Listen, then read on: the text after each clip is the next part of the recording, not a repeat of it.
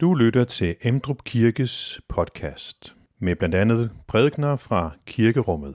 Du kan læse mere om Emdrup Kirke på emdrupkirke.dk.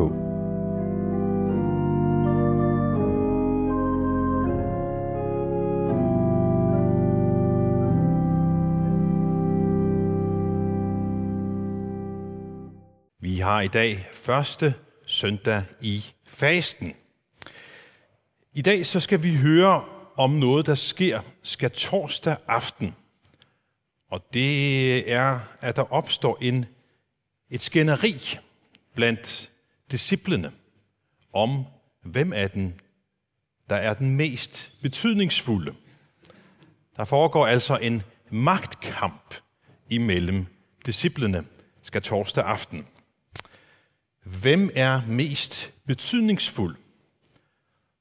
Og så tænker vi måske, hvad er det dog for noget, at disciplene begynder at skændes om, hvem der er mest betydningsfuld?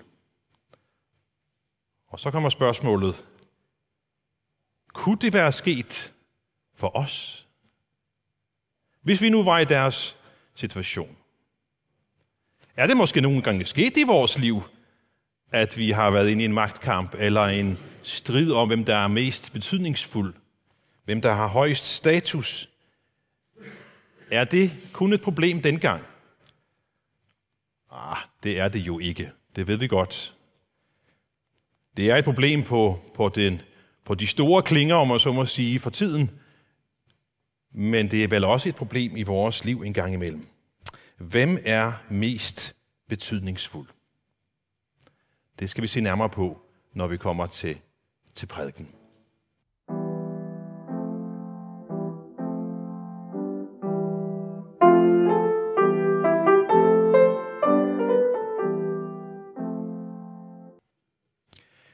Apostlerne kom også i strid om, hvem af den, der skulle regnes for den største. Der sagde han til dem, Folkenes konger hersker over dem, og de, der udøver magt over dem, lader sig kalde valgørere. Sådan skal I ikke være. Men den ældste blandt jer skal være som den yngste, og lederen som den, der tjener. For hvem er størst? Den, der sidder til bords, eller den, der tjener? Er det ikke den, der sidder til bords? Men jeg er iblandt jer som den, der tjener. Jer er det, der er blevet hos mig under mine prøvelser, og ligesom min far har overdraget mig riget, overdrager jeg det til jer, for at I skal spise og drikke ved mit bord i mit rige, og I skal sidde på troner og dømme Israels tolv stammer. Simon, Simon, Satan gjorde krav på jer for at sigte jer som hvede, men jeg bad for dig, for at din tro ikke skal svigte. Og når du engang vender om, så styrk dine brødre. Amen.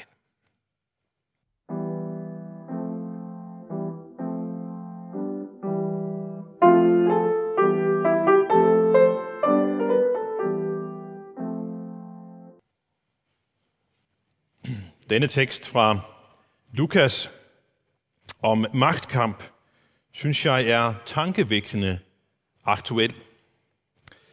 Lad os lige høre den i øh, det første stykke i den nye oversættelse, som jeg synes også måske gør det endnu mere tydeligt for os. Konger hersker over deres folk, og magthavere kalder sig folkets beskyttere.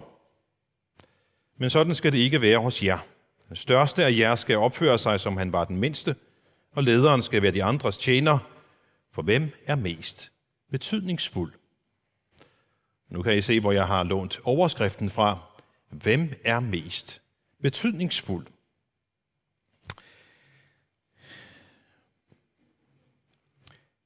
Jeg synes ærligt talt, det er lidt svært at undgå i dag, at tænke på visse storpolitiske magthavere, som i øjeblikket svinger sablen eller andet moderne krigsudstyr.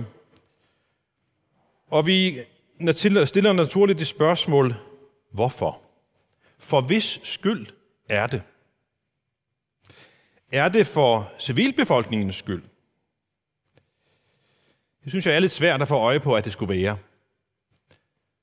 Og det gælder øh, Ikke bare den aktuelle konflikt i Ukraine, men også den i Syrien eller i Afghanistan eller andre konflikter. Jeg synes, Jesus har meget ret, når han sætter ord på, at i verden er der strid, magt og hersken. Og magthaveren vil gerne kalde sig for folkets beskyttere. Men en gang imellem kommer man i tvivl om, hvis beskyttere de egentlig er. Da jeg sad og tænkte teksterne sammen med den aktuelle konflikt, så blev jeg også mindet om, at vi ikke kommer udenom, at magt findes. At magt skal udøves. Og vi skal også passe på, at vi ikke tænker, nu bruger vi de her ord for at slå de store magthavere i hovedet med. For de handler jo om os alle sammen. Vi kender jo alle sammen til magtmekanismerne. Vi kender alle sammen til tankerne omkring, hvem er egentlig mest betydningsfuld? Hvem bestemmer mest? Hvem har højest status? Magt vil altid være der. Det afgørende spørgsmål er, er, hvordan opnår man sin magt? Og hvordan bruger man sin magt? Der er jo som sådan ikke noget galt med magt i sig selv. Det afhænger af, hvordan man forholder sig til den magt, man har. Og på mange måder så gør man også klogt i at, være, at frygte magten lidt, fordi den kan være farlig i den forstand, at magten kan gøre en til en anden, end man gerne vil være, eller burde være. Når man får mulighed for at udøve magt, så afsløres det også, hvad der bor i en, i vores indre. Så magten er også en form for en prøve. Det var gældende på Jesu tid. Det er også gældende i dag. Uanset om man har en sabel eller et våben i hånden, eller blot bruger sine ord. En anden ting, som også er gennemgående i vores tekster i dag, er misundelse. Magt og misundelse. Der var en tekst, vi ikke hørte i dag. Vi kunne have hørt en tekst om Kain og Abel. Det var getalæsningen til i dag. Men jeg tænkte, at den er så kendt, at jeg kan referere til den, uden at vi skal have den læst. At Kain bliver misundelig på sin bror Abel og slår ham ihjel. Vi møder alle misundelsen i vores eget liv. Den kan æde os op indefra. Et græsk ordsprog siger, ligesom rust ødelægger jern, således ødelægger misundelse mennesket. Det er meget tydeligt i situationen hos Kain og Abel, hvor Kain er misundelig på Abel, fordi Gud ikke tager imod hans offer, men at han tager imod Abels offer. Heldigvis er det nok de færreste af os, der vil gå så langt, som Kain gør, at slå sin bror ihjel på grund af misundelse. Men spørgsmålet er, om der ikke er andre ting, vi kan være med til at slå ihjel eller ødelægge ved at være misundelige. Hvad med venskaber for eksempel? Kan et venskab ikke blive ødelagt af, at vi er misundelige på hinanden? Eller det kan også handle om at misundelse kan ødelægge en familierelation. Eller på en arbejdsplads, et samarbejde. Vi kan også nogle gange gå så langt, at vi i, i misundelse over for anden fryder os over, at det går vedkommende skidt. Vi bliver skadefro. Så misundelse kan forpeste vores liv og vores relationer. Og teksterne i dag siger, at det skal ikke være det bærende hos os, men derimod tjenesten for Gud og for hinanden. Jakob, øh, den tekst vi hørte fra Jakob, han har en lidt øh, sjov formulering, hvor der står, at en bror i ringe kår skal være stolt af sin høje stand. En bror i ringe kår skal være stolt af sin høje stand. Og hvis man tager det og applicerer det på misundelse, så kan man sige, misundelse er på en måde at vi synes selv, vi er i ringekår, og der er nogen, der har nogle andre bedre kår. Men så siger han, en bror i ringekår skal være stolt af sin høje stand.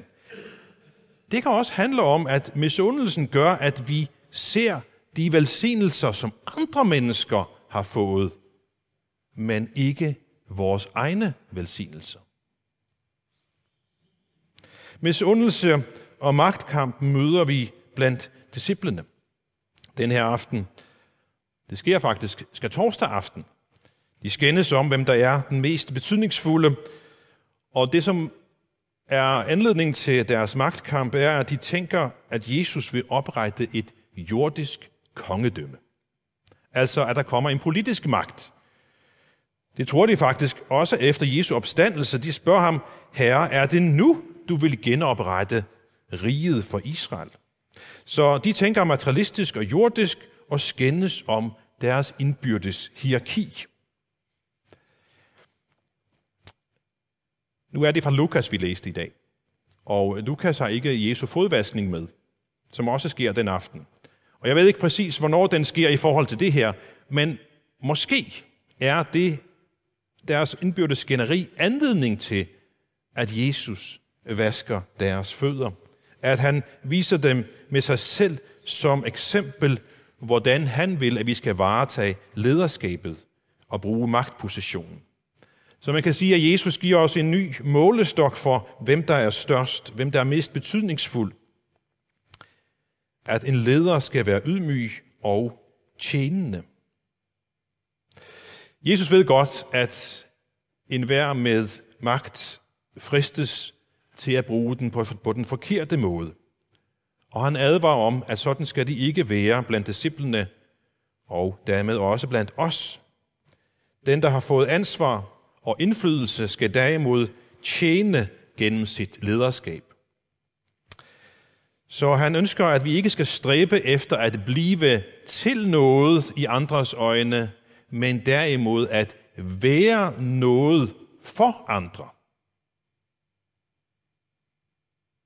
Ikke stræbe efter at blive til noget i andres øjne, men at være noget for andre. Men det er jo lettere sagt end gjort. Fordi vi mennesker er jo meget optaget af, hvordan vi tager os ud i andres øjne.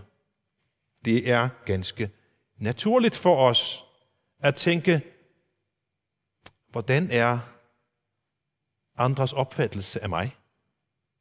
Hvilken betydning har jeg? Hvordan står jeg i forhold til de andre? Måske på arbejdspladsen, eller blandt søskendene, eller i familien, eller i menigheden, eller, og det betyder meget for mange mennesker i dag, hvordan er min betydning online? Hvordan er min status på de sociale medier?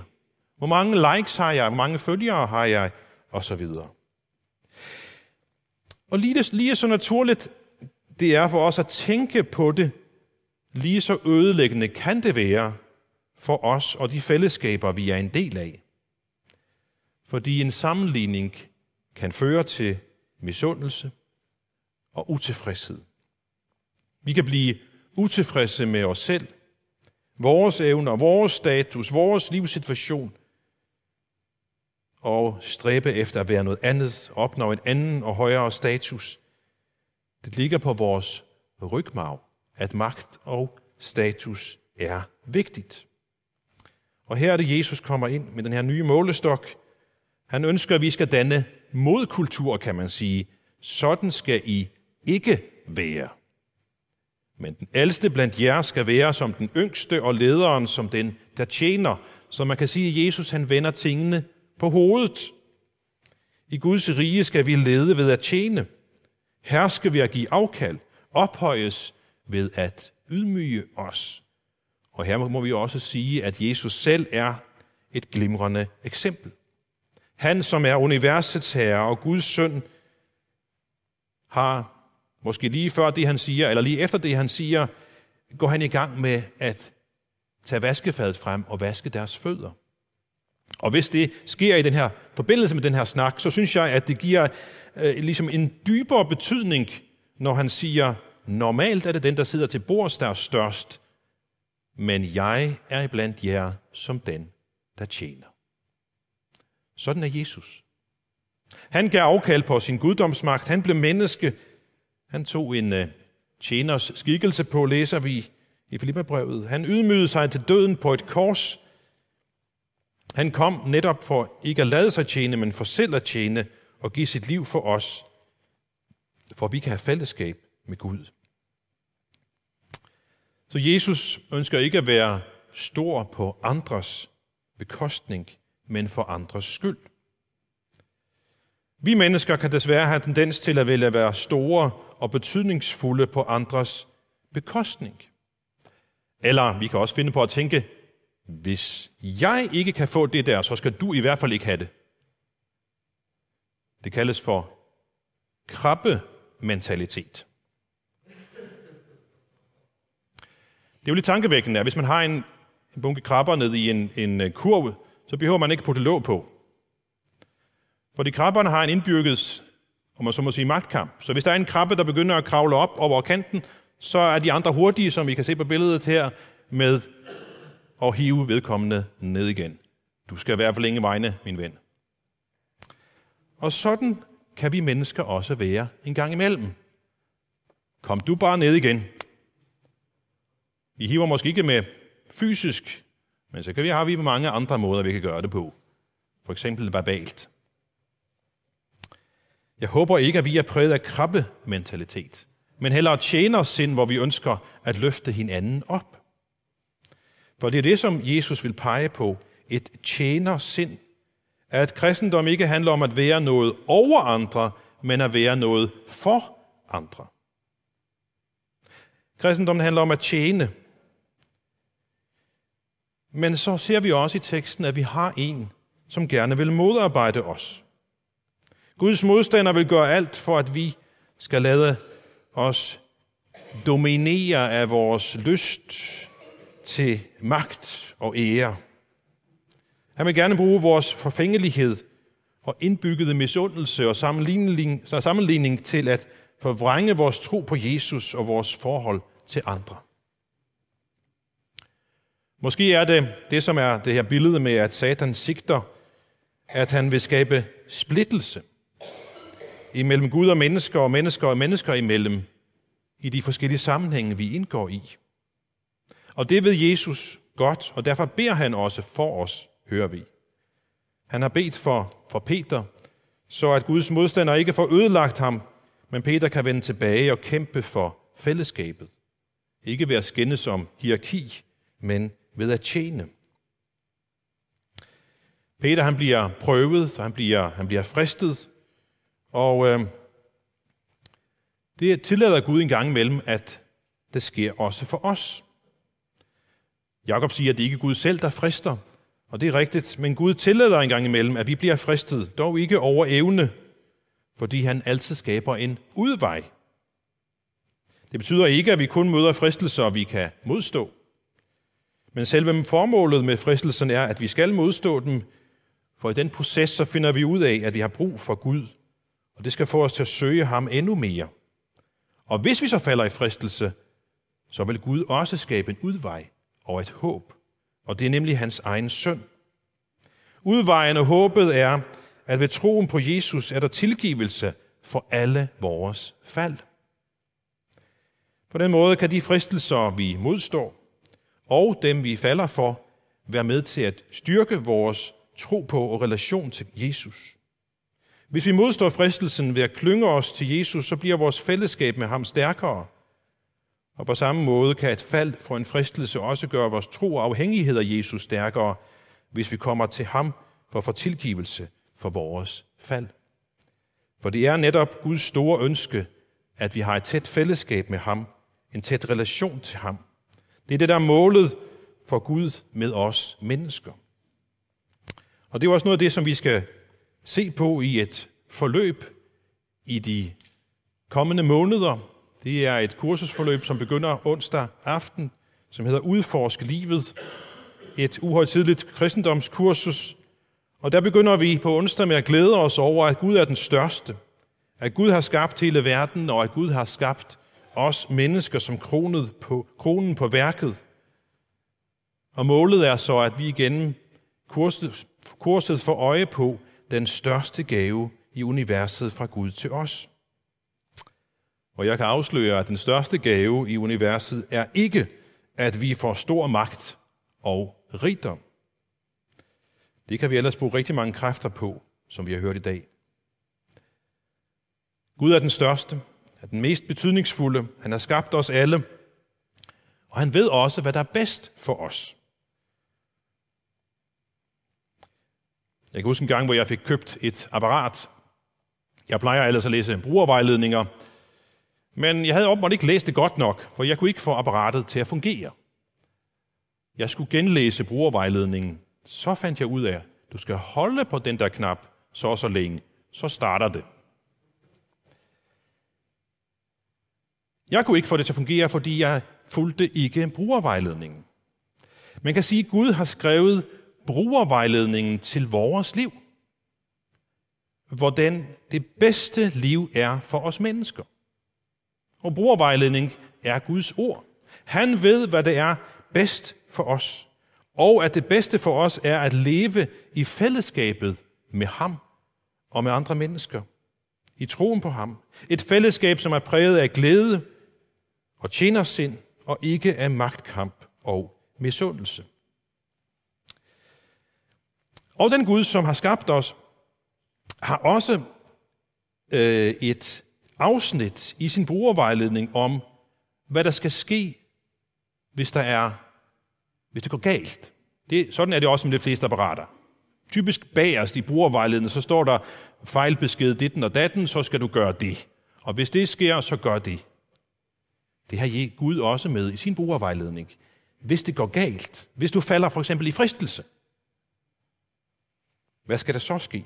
Og hovedbudskabet, det afsnit handler om, at der er altid tilgivelse og håb for os. Det budskab kom Peter også selv til at erfare. Han faldt, men klyngede sig senere til Jesus for at få tilgivelse, og det resulterede i, at Peters tro på Jesus og fællesskabet med Jesus blev endnu stærkere. Og han kunne styrket og med endnu tættere til relation til Jesus være med til at styrke sine brødre som lederen af disciplene. Og jeg tror, at hans ledelse var præget af tjenersind efter Jesu forbillede. Han har lært noget af Jesu lektie om, hvem der er den største i Guds rige, nemlig den, der tjener. Amen. Find flere podcast og læs mere på emdrupkirke.dk